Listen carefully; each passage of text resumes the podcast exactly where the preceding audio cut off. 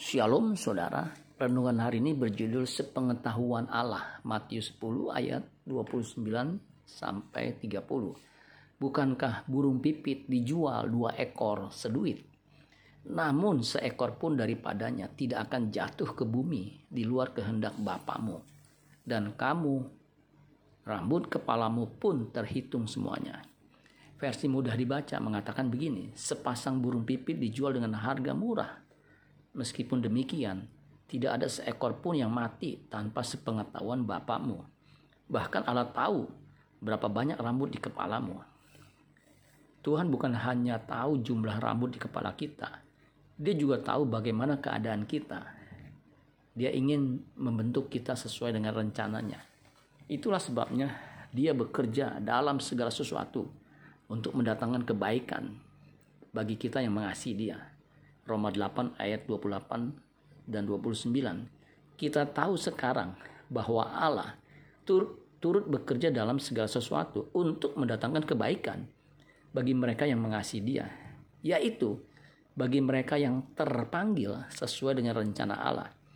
Sebab semua orang yang dipilihnya dari semula, mereka juga ditentukannya dari semula untuk menjadi serupa dengan gambaran anaknya, supaya ia anaknya itu menjadi yang sulung di antara banyak saudara dengan kemajuan teknologi sekarang, orang bisa tahu apa yang dikonsumsi orang tersebut beberapa hari yang lalu. Namanya uji forensik rambut. Uji forensik rambut menjadi senjata mendeteksi zat kimia seperti narkoba.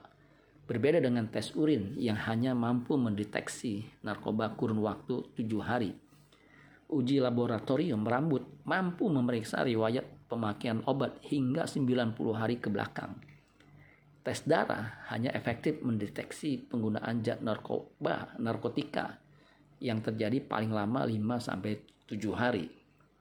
Secara alamiah, keuntungan itu didapat karena rambut kepala tumbuh cukup lama. Rambut memanjang hanya 1 cm per bulan. Jika Anda mengkonsumsi obat, bahan-bahan kimia aktif yang terkandung dalam obat masuk ke tubuh. Zat kimia itu lalu akan terakumulasi di folikel, folikel rambut. Seiring bertambahnya helai rambut, folikel akan menimbun bahan-bahan kimia tersebut di dalamnya. Zat kimia mampu mengendap secara efektif hingga tiga bulan lamanya. Karena itu, rekam jejak penggunaan narkoba dapat ditelusuri jauh ke belakang. Tes umumnya dilakukan dengan pengambilan sampel rambut 1 cm dari ujung pangkal sebanyak tiga helai. Satu rambut digunakan sebagai sampel, sisanya biasanya disimpan sebagai cadangan. Sampel rambut dimasukkan ke dalam ke atas kaca, selanjutnya masuk ke alat pendeteksi dengan bantuan zat kimia. Apa dan bagaimana karakter kita tergantung juga atas apa yang kita konsumsi.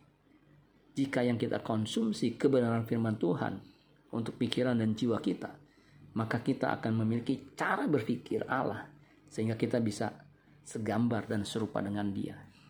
Amin buat firman Tuhan. Tuhan Yesus memberkati. Sola Gracia.